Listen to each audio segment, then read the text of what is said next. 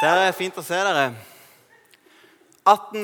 november 2020 så eh, sitter jeg sammen med 900 000 andre seere klistra til TV-skjermen og ser på nødlandslaget. Jeg vet ikke om du har hørt om nødlandslaget, men det ble en ganske stor greie for den kampen satt seerrekord. TV 2 har aldri hatt så mange seere som sett en sånn kvalifiseringskamp før. På lenge. Altså, 900 000 stykker satt og fulgte et nødlandslag som vi ikke skjønte hvorfor var de der i det hele tatt. Eh, Regjeringa hadde liksom bestemt at det ordentlige landslaget av restriksjoner ikke fikk lov å reise. Så på noen dager så setter da Fotballforbundet sammen et eget lag. Eh, bare Lag to, B-lag, og liksom bare sender ned og spiller kamp mot Østerrike.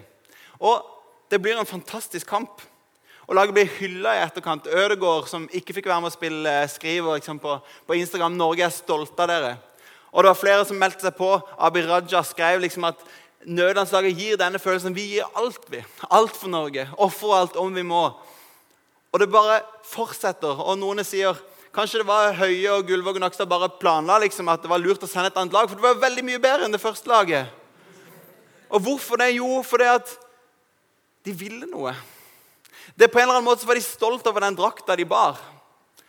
På en eller annen måte så, så blødde de for drakta, som er et sånt uttrykk. og Det var noen som skrev blant annet Dagsavisen at skjeldere har liksom mottoer som 'sterkere sammen' eller 'vi blør for drakta'. Det har aldri passa bedre enn hva det gjorde når nødlandslaget var på plass.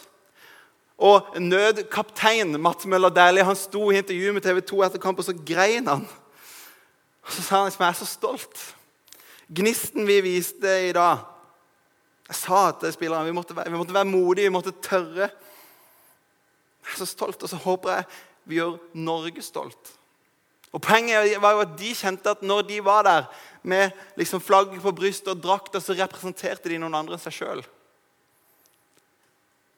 De representerte en hel nasjon, og de kjente på det. Og så kjente at dette er fantastisk å være med på. For en stolthet. Og så ble det så synlig for oss som satt der hjemme, at dette er noen som vil noe. Dette betyr noe. De ga alt for den drakta de hadde på seg. De representerte noe mye større enn seg sjøl. Vi er inne i en eh, taleserie vi har kalt eh, 'Gud har et navn'. Og I dag skal jeg få lov til å si noe om prøver. Vi må bære dette navnet på en god måte. På samme verden som dette nødlandslaget bar sin drakt, så har vi noe vi bærer, og vi har noe vi representerer. Og hva er det for noe? Vi har vært i denne serien en stund nå. Denne serien er egentlig basert på én tekst fra Det gamle testamentet som vi har bare i detalj sett veldig nøye på. Og noe av Poenget med dette verset i Det gamle testamentet i 2. Mosebok 34 det er at det er det mest siterte bibelverset av Bibelen sjøl. Altså, Bibelen vender hele tida tilbake her for å si noe om hvem er det Gud egentlig er. Og Disse versene er på en måte Guds liksom selvpresentasjon, hans pressemelding til verden. Hvem er jeg egentlig? Og Noe av hovedpoenget i det vi ønsker å formidle, det er jo dette her. Det har vi lest hver eneste torsdag, og det er på utenlandsk, men nå kan dere det. For what comes to your mind when you think about God, is the most important thing about you. Altså, Det du tror om Gud, det er faktisk det viktigste om det. Og så har jeg sagt hver gang at ja, det er kanskje ikke alle dere som er enig i det, men kanskje begynner vi å skjønne at det er noe med at vi blir mer og mer lik det vi tilber. Det vi tror, det former livene våre mye mer enn det vi tror.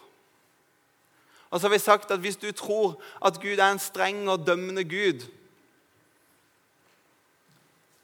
så er det fort at du blir en streng og dømmende fyr sjøl. Hvis det er den Gud du tror på. For det former livet ditt. Hvis du tror at Gud er en sånn stor kosmisk liksom, selvhjelpsmaskin som ønsker å bare maksimere ditt liv, jo, så er faren at du blir veldig selvopptatt og bare kretser rundt deg sjøl i ditt eget liv også. Hvorfor? Jo, for den Gud du tror på, hva du tror om han, det former deg. Vi gjør det vi gjør pga. det vi tror om Gud. Og Hvis det er sant, ja, så er det jo helt avgjørende at vi snakker om hvem er egentlig Gud. Hvis det er det viktigste om meg, la oss justere det. La oss forsøke å navigere. Hvem er egentlig denne Gud jeg tror på? Hvordan ser han ut? Hvem er han? Hva er det som gjør han til han? Og det har vi brukt denne serien på. Og Vi har lest dette verset her hver eneste torsdag. Vi skal lese det nå. Da steg Herren ned i en sky, stilte seg hos ham og ropte ut navnet Herren. Herren gikk forbi ham og ropte, 'Herren er Herren, en barmhjertig og nådig Gud.' Sen til vrede og rik på miskunn og sannhet. Han holder fast på miskunn i tusen slektsledd og tilgir synd og skyld og lovbrudd. Men han lar ikke den skyldige slippe straff. For fedrenes skyld så straffer han barn og barnebarn i tredje og fjerde slektsledd. Og straks bøyde Moses seg til jorden og tilba. Hvis du nå tenkte at her var det noen ting som jeg gjerne skulle visst litt mer om, så går det an å gå tilbake i, i podkaster på, på, nettet på Spotify og, så videre, og få høre det. For vi har faktisk prata om eh, nådig og barmhjertig. Vi har tatt vers for vers sent til vrede når Jarle talte om Guds vrede. Det er jo kjempespennende. Det kan du gå inn og sjekke ut. Jeg anbefaler det på det varmeste. Eh, eh, dette med straff her. Men han lar ikke den skyldige slippe straff. Det var hovedtemaet forrige gang. Det er et strålende hovedtema. Gå inn og sjekk det ut. Og så skal vi forsøke å lande en plass i dag og ta denne teksten som utgangspunkt og si noe om at vi ønsker å bære noe. Vi bærer et navn, vi bærer en drakt, vi representerer noe annet enn oss sjøl. Og hvordan skal det se ut i våre liv? Kjære Jesus, jeg takker deg for at når vi samles til touchpoint, så er det der vi samles om. Takk for at du er her midt iblant oss, og får vi lov til å samles om deg. At det er det vi ønsker å høre fra, det er det vi ønsker å tilbe. Og så ber jeg her om at du må tale til oss gjennom ditt ord. Sånn at jeg kan få lov til å forme oss og møte våre liv akkurat der vi er. Sånn at du bringer liv til våre liv og møter oss akkurat der vi er. Jeg ber om det i Jesu navn. Amen. Det er masse jeg kunne sagt om denne teksten, her, og vi har liksom brukt hver eneste torsdag på å analysere en liten setning. og Nå skal vi liksom ta det videre. Hva gjør vi med det vi har hørt for noe? Og Jeg har tre ting jeg har lyst til å si til dere. og Det første er egentlig dette. Vi kan bære navnet i tilbedelse. Det var kanskje litt vanskelig ord, men hvis dere la merke til det, så la jeg til et lite vers her som ikke har vært her tidligere. Det siste vi leste. Straks bøyde Moses seg til jorden og tilba. For det er Moses som er her og som møter Gud, og han får på en måte selvpresentasjon av hvem Gud er. Og Det fascinerende er at det første han gjør når han hører hvem Gud er, at han bøyer seg ned og tilber. Det er på en måte den eneste responsen han har. Det er så overveldende. Dette er den Gud jeg tror på. Vi har vært gjennom det. En rik og barmhjertig Gud. Rik på nåde og miskunn og sannhet, som tilgir synd og skyld og lovbrudd. Likevel så lar han den skyldige slippe straff. Nei, Hvorfor gjør han ikke det? Nei, Han ønsker ikke at offeret skal betale prisen. Han er rettferdig. Og Så møtes alt dette på korset, så kan man ikke falle ned, gjøre noe annet enn å falle ned og tilbe. Det var der Moses var. Og Hvis du hører noen av de talene, hvis du har gått glipp av det, så får du kanskje noe av samme opplevelsen. For en Gud vi har. Og Når jeg sitter og leser det vi har jobbet med, og leser den boka som dette er bygd på, så tenker jeg For en Gud vi har. For en fantastisk Gud vi representerer. Og så kan jeg nesten ikke gjøre annet enn å bare tenke takk, Jesus, for at jeg får tilhøre deg, tro på deg, for at du tar imot meg. Og så hadde jeg lyst til å utfordre dere, for vi sier jo at vi blir mer og mer lik det vi tilber. Det har vært noe av hovedpoenget hele uka. Men jeg har lyst til å utfordre dere når jeg sier 'bær navnet i tilbedelse'. Når dette navnet, dette, er det vi bærer, det vi representerer, tør å la deg forme på en eller annen måte. Vi blir mer og mer lik det tilber. Og Jeg vet ikke hva du bruker tida di på, eller hva du anser som viktig i ditt liv. Men hvis det er viktig for deg å kjenne denne Gud som vi snakker om, hvis du er opptatt av det, så har jeg lyst til å utfordre deg. Du blir mer og mer lik det du tilber. Hva bruker du tida på? Jeg reflekterer det du bruker tida di på, den troa du har. Jeg hadde lyst til å ta dere med bare i et sånn lite sitat som jeg er veldig glad i, som er litt langt, men jeg hadde lyst til å legge det inn allikevel. For Stian Kilde Aarebrot sier noe sånt som dette, jeg, jeg, elsker det, så ta det med. Jeg vil aldri mer sette gudstjenesten opp og det å innarbeide gode kristne vaner. For gudstjenesten er faktisk den viktigste vanen en kristen kan ha. Gudstjenesten er kristenfolkets mest massive motliturgi, der tanker, følelser og verdier rekaliberes i henhold til den store fortellinga om Guds skapelse, Mennesket til kortkommenhet, Guds tilgivelse, gjenopprettelse, nyskapelse av himmel og jord. Gudstjeneste er selve grunnmuren som alle andre kristne praktiser hviler på. Det er det som er dreie, for dreieskjevet å gå rundt, det som forankrer alle kristne vaner og praksiser. Stian Kjell Aarebrot gjør et poeng i sin bok om vaner som former livet, at hvis dette er viktig for deg, Du blir mer og mer lik det du tilber. Det du bruker tida di på, det som du lar på en måte mate ditt liv, det former deg. Og så har jeg lyst til å utfordre deg. Vi har en fantastisk Gud. Hva om vi kan mer og mer formes til å bli mer og mer lik han? Så sier Stian Kjell at det fins mange ting du kan gjøre for å forme livet ditt, for at det, du blir mer og mer lik det du tilbyr. Men kanskje det viktigste det er å ha fast plass til å gå til gudstjeneste. Og skal ikke dette bare bli en reklame for touchpoint, for det er mye viktigere enn bare det, men at du setter av hver torsdag til å være her. Vet du noe, Det former ditt liv. Og Ikke bare fordi at du er her og det er hyggelig, men fordi at du rekalibreres. Du på en måte får liksom satt liksom kompasset litt på plass. Du får liksom funnet litt kursen på ny når vi samles og så får du høre fra bibelboka, så får du noen som ber for deg, eller noen som får noen samtaler om dette fellesskapet. Hva betyr det egentlig, den troa vi har? Og så settes liksom ting litt på plass. Og Gjennom uka kan jeg møte masse forskjellige, og så kan jeg få mange forskjellige innspill. Men så kan jeg liksom rekalibreres litt på nytt inn på ja, det er det sporet, den retningen jeg har satt for mitt liv. Jeg ønsker å bli mer og mer lik det jeg tilber. Jeg ønsker at han skal få lov til å forme mitt liv. Den drakta jeg har, det jeg representerer, jeg ønsker at det skal få lov til å forme meg. Jeg ønsker at det skal bli en del av meg. Jeg ønsker at det skal bare være noe jeg tenker. Det skal prege hele mitt liv. Og Så sier Stian Kjell Aarebrot i en bok om mange kristne vaner at det viktigste, det som former alle andre vaner, der finner jeg et sånt fast punkt. En gudstjeneste touchpoint. Og så har jeg lyst til å utfordre dette. Det fins veldig mange mer måter å gjøre det på. Marie snakka om smågrupper. Bli med i en smågruppe. Bli med i tjeneste på touchpoint. Finn de gode fellesskapene. Ikke fordi at vi skal få touchpoint å gå rundt, men det handler om deg. Det handler om å få noen plasser hvor dette får lov til å møte mitt liv, hvor jeg får lov til å liksom rekalibreres litt, hvor jeg ikke bare hører om alt som skjer på sosiale medier, eller videre, men hvor dette får lov til å forme mitt liv på ordentlig. Hva er det jeg tror på? Hva er det som er viktig for meg? Vi har en fantastisk Gud. La han få lov til å få rom i livet ditt. Velg å la deg forme.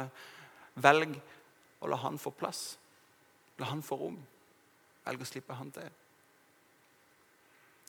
Og Poenget er jo at hvis vi gjør det, så kan det være at de simter noe av han i oss.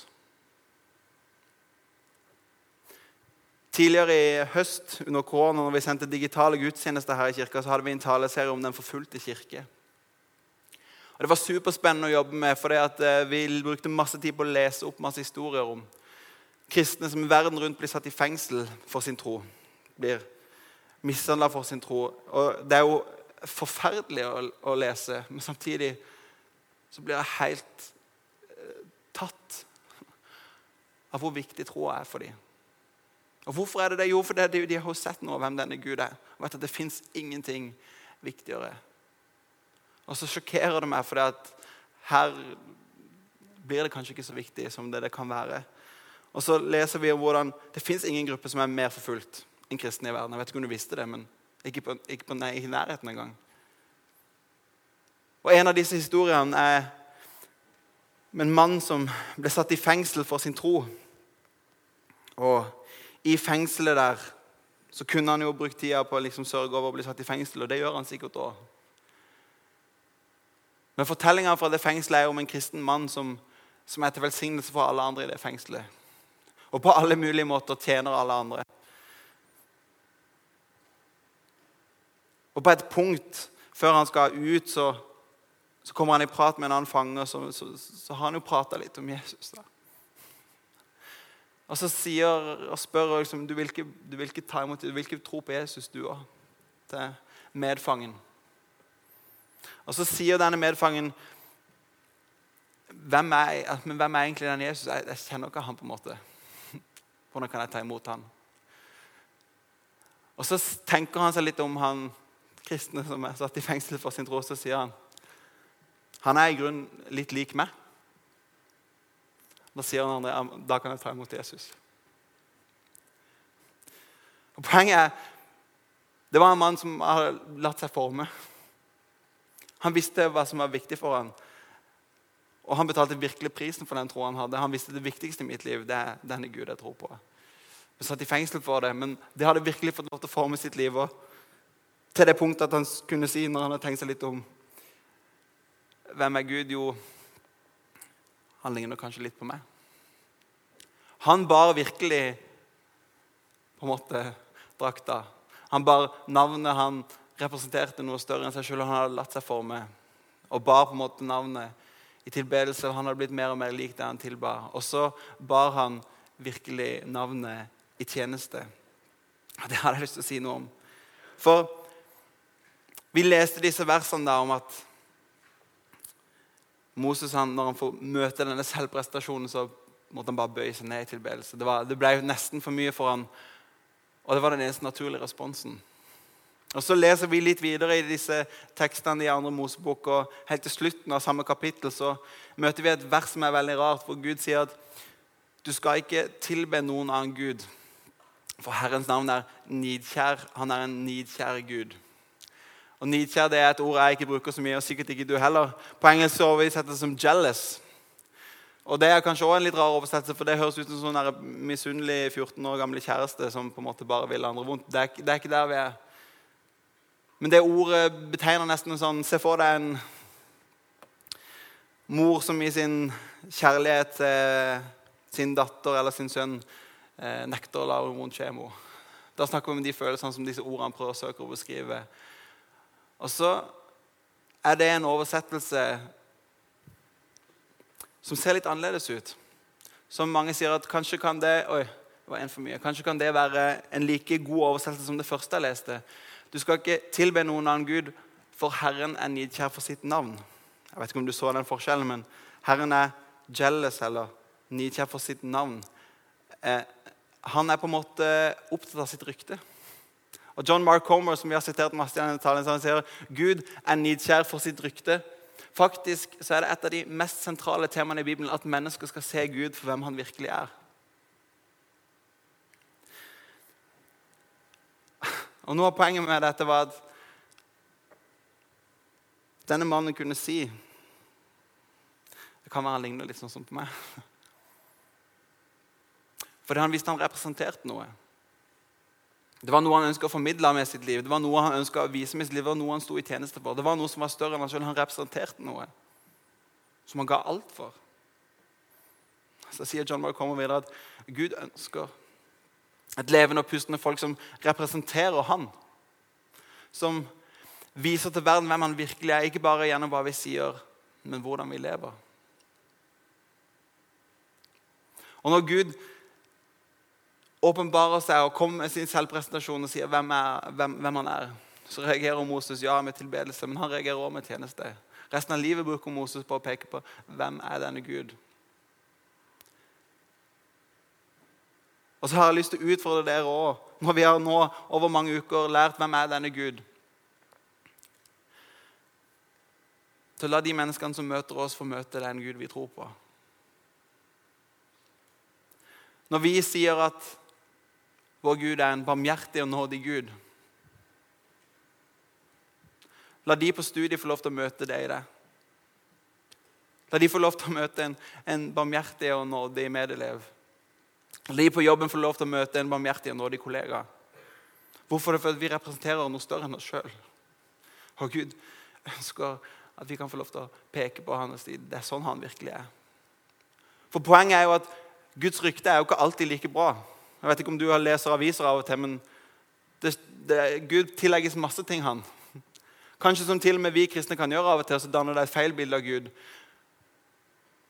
Men vi representerer en, og vi ønsker å si hvem er det han virkelig er. Kanskje kan du for din kollega være noe av dette rekalibreringa som vi tenker at gudstjenesten skal være. Jo, når de møter deg, så liksom Ja, det er sånn det er. Det er sånn Gud er. En nådig og barmhjertig Gud. Når vi sier at Gud er sent til vrede, så kan det være hyggelig å møte en kollega som ikke flyr i flint for noe som helst. Så kan det være godt å møte en tålmodig kollega, en tålmodig klassekamerat som, som, er der. Når vi snakker om en som er rik på miskunn og sannhet, en Gud som er det, så kan våre kolleger, våre venner, våre familier, våre medelever kan få lov til å møte akkurat det i oss. Vi kan få lov til å være mennesker som holder fast på miskunn og tilgir synd og skyld og lovbrudd. Jeg vet ikke hvordan du reagerer når mennesker har gjort lovbrudd mot deg.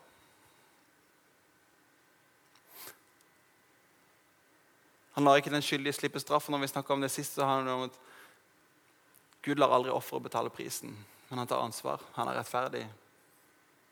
Og vi kan være mennesker som tar ansvar, som er rettferdige, som ønsker å behandle mennesker på rettferdig måte, som ønsker at ikke offer skal betale prisen. Johannes, døperen Johannes, han står der med at han skulle vitne om lyset, så alle skulle komme til tro på ham som var lyset. Så selv om han ikke var lyset sjøl, skulle han vitne om lyset. Og Poenget er jo at jeg vet jo godt at jeg er ikke Gud. Det vet du òg. Og jeg vil aldri bli Gud. Og Selv om jeg gjerne skulle ønske at jeg var tilnærmet perfekt, og kunne liksom, jeg kunne si, kanskje på samme måte som fyren i fengselet, at han ligner ganske mye på meg, så vet jeg at jeg har en del igjen. Jeg vet ikke hvordan du syns det er, men jeg har en del igjen for at jeg av og til kan si liksom, ja, kanskje han ligner litt på meg. Jeg vet ikke om jeg det ble sagt det. Jeg er ikke lyset sjøl, men jeg vitner om lyset. Jeg ønsker å peke på han som er lyset. Han som har sagt han er verdens lys, han som har sagt han er håpet, han som har sagt han er livet, han som har sagt at han gir alt for hver og en av oss. Han kan vi få lov til å peke på. Under lovsangen her i sted så kommer det opp et lite vers på skjermen. vet ikke om du så det, men så står 'Dere er verdens lys'. Og Hvorfor sier Jesus det? Det er ikke dere som er lys i utgangspunktet. Det er jo han som er det. Men kanskje kan de få tak i noe av det lyset gjennom oss. Kanskje få tak i noe av hvem han er gjennom oss. Tor Håvik han var på besøk her eh, for eh, en måneds tid siden, kanskje. Farmen-Tor. Og så hadde han, Det siste han sa til oss etter vi var nesten ferdig med intervjuet, så sa han vi skulle til å avslutte til og med, så sa han, kan jeg bare få si en ting. sa han. Så han, Vær frimodige. Heis flagget høyt, sa han. Med det vi tror på. La oss stå for det. La oss formidle det. Så sa han noen ganger må du være vis på om du skal være vinnende eller var. sa han. Vi ønsker å formidle hvem Jesus er. Vi ønsker at mennesker skal se hvem Gud er, hvem han virkelig er. Og Noen ganger betyr det at vi kan være veldig frampå Kanskje må vi tørre å være frampå. Mats Møller Deilig sa i intervjuet om nødlandslaget vi må tørre, vi må være modige, vi må tørre å stå for noe. Og for mange tror jeg at det gjelder også. Jeg vet i hvert fall med meg sjøl at jeg kunne vært mer modig noen ganger. Når frisøren klipper meg og spør hva jobber du med, så har jeg ikke så lyst til å si at jeg er pastor innimellom. Så vet jeg ikke hva du sier når mennesker spør hva du tror på når du er på øya. eller Kanskje trenger vi å være litt mer modige. Mens andre ganger så er det kanskje, som Tor sier da Enten må du være vinnende, være litt mer modig, eller så må du være var noen ganger. Kanskje jeg bare skal være her. Kanskje jeg skal være en barmhjertig og nådig venn. Men hva kan jeg være for de rundt meg? For at de kan få lov til å se en nådig og barmhjertig Gud i deg. Sjøl er vi ikke lyset, men vi vitner om Han som er lyset. Paulus sier, 'Hva enn dere gjør, så gjør alt til Guds ære'. Hva enn dere gjør, gjør til Guds ære. Jeg har lyst til å si hvor enn du er. Jeg vet ikke hva alle dere holder på med. Om du er på studiet, om du er på jobb, hjemme i familien, i kollektivet. Men der du er, så bærer drakta med stolthet. Der du er, så representerer du noen som er større enn deg sjøl.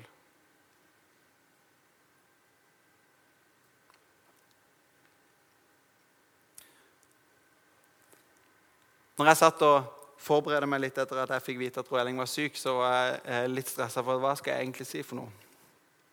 Og så um, tenkte jeg at dette, dette, var noe av det vi hadde lyst til å utfordre. Det var dette noe Roelling skulle si noe om. La oss peke på Han som er lyset. La oss, der vi er, være bærere av navnet, bærerdrakta. La de få se Gud i oss.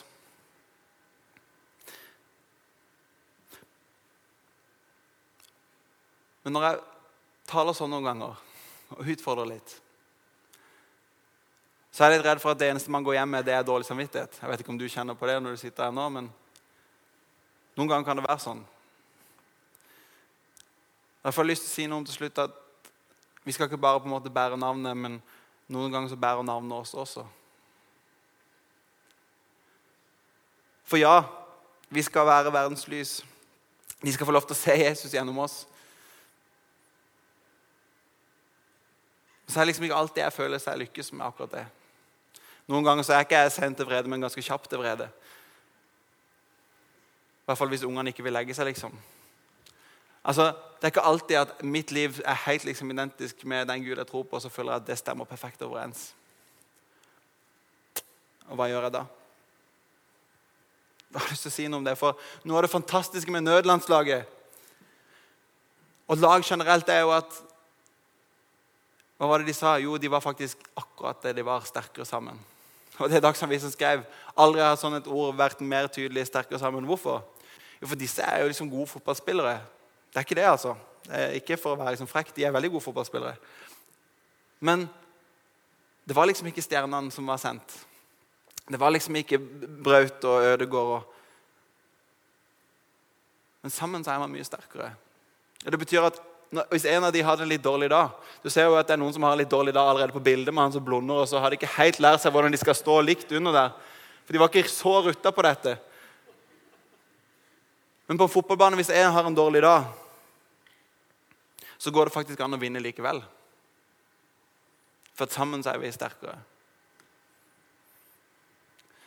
Om så en eh, ikke fikser det, så står vi sterkere sammen.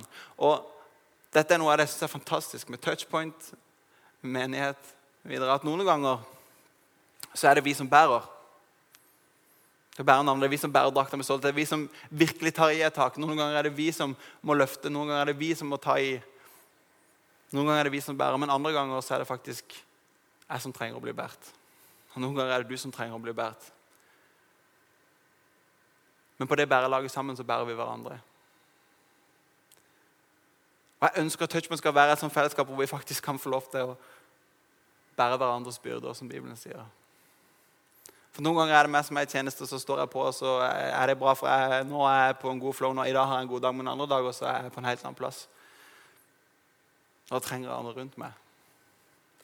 Men hvis jeg kan være et sånt lag, så tror jeg vi har kommet utrolig langt på vei. Og så er det ikke bare fellesskapet som bærer det, men jeg tror på en Gud som bærer det. Jesus han sier det, 'Kom til meg, alle dere som strever og bærer tunge byrder, og jeg vil gi dere hvile.' Ta mitt åk på dere og lær av meg, for jeg er mild og ydmyk av hjerte, så dere skal finne hvile for deres sjel. Jeg vet ikke om du vet hva et åk er. Det visste ikke jeg heller. Men det handler jo om at det er et åk du setter på oksene sammen for at de skal på en måte bære sammen. Det blir lettere å bære med et åk på. Og så er noe poenget at, at Jesus er liksom med og bærer sammen med deg.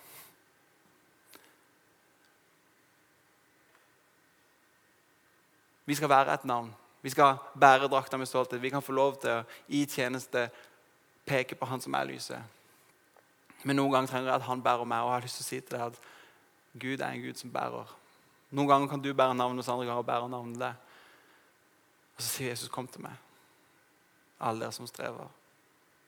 Og kanskje viktigst av alt, han sier, og Paulus skriver fram nå er dere frelst ved tro. Det er ikke deres eget verk, men det er Guds gave. Det hviler ikke på gjerninger. Det er ikke det det handler om. Men det hviler faktisk hos Han som ga sitt liv for oss. Det er han det hviler på. Det er han alt hviler på. Og Det er nettopp derfor jeg kan få lov til meg å formidle dette videre. Det er derfor vi kan få lov til å spille på dette laget. Det er derfor vi kan være sterkere sammen. Det er derfor vi kan bære hverandres byrder, jo, for det er en som bærer oss alle. Jesus. Han som ga sitt liv for oss. Han som er verdens lys, han som er verdens håp. Som vi kan få lov til å peke på. Jeg skal ta og be. Herre Jesus, jeg takker deg for at du er den du er. Og Takk for at vi har lov til å se på det de siste ukene. Herre. at du er en barmhjertig Gud, en nådig Gud. Takk, Herre, for at du ga alt. Du ga ditt liv på korset for oss. Så takker jeg for at vi får lov til å representere deg. For en ære det å få lov til å være på ditt lag. For en ære det å få lov til å være med og vise hvem du er. Og Så ber jeg Herre Jesus om at du hjelper oss til å la deg få lov til å forme oss. Sånn at vi kan bli mer og mer lik det vi tilber. Sånn at mennesker kan få lov til å se hvem du er i oss. Og fremfor alt, Herre, skal vi bære dette navnet. Og fremfor alt så trenger vi å lande i at det er du som bærer oss. Det er du som bærer mitt liv. Det hviler ikke på mine gjerninger, men det hviler på det du gjorde.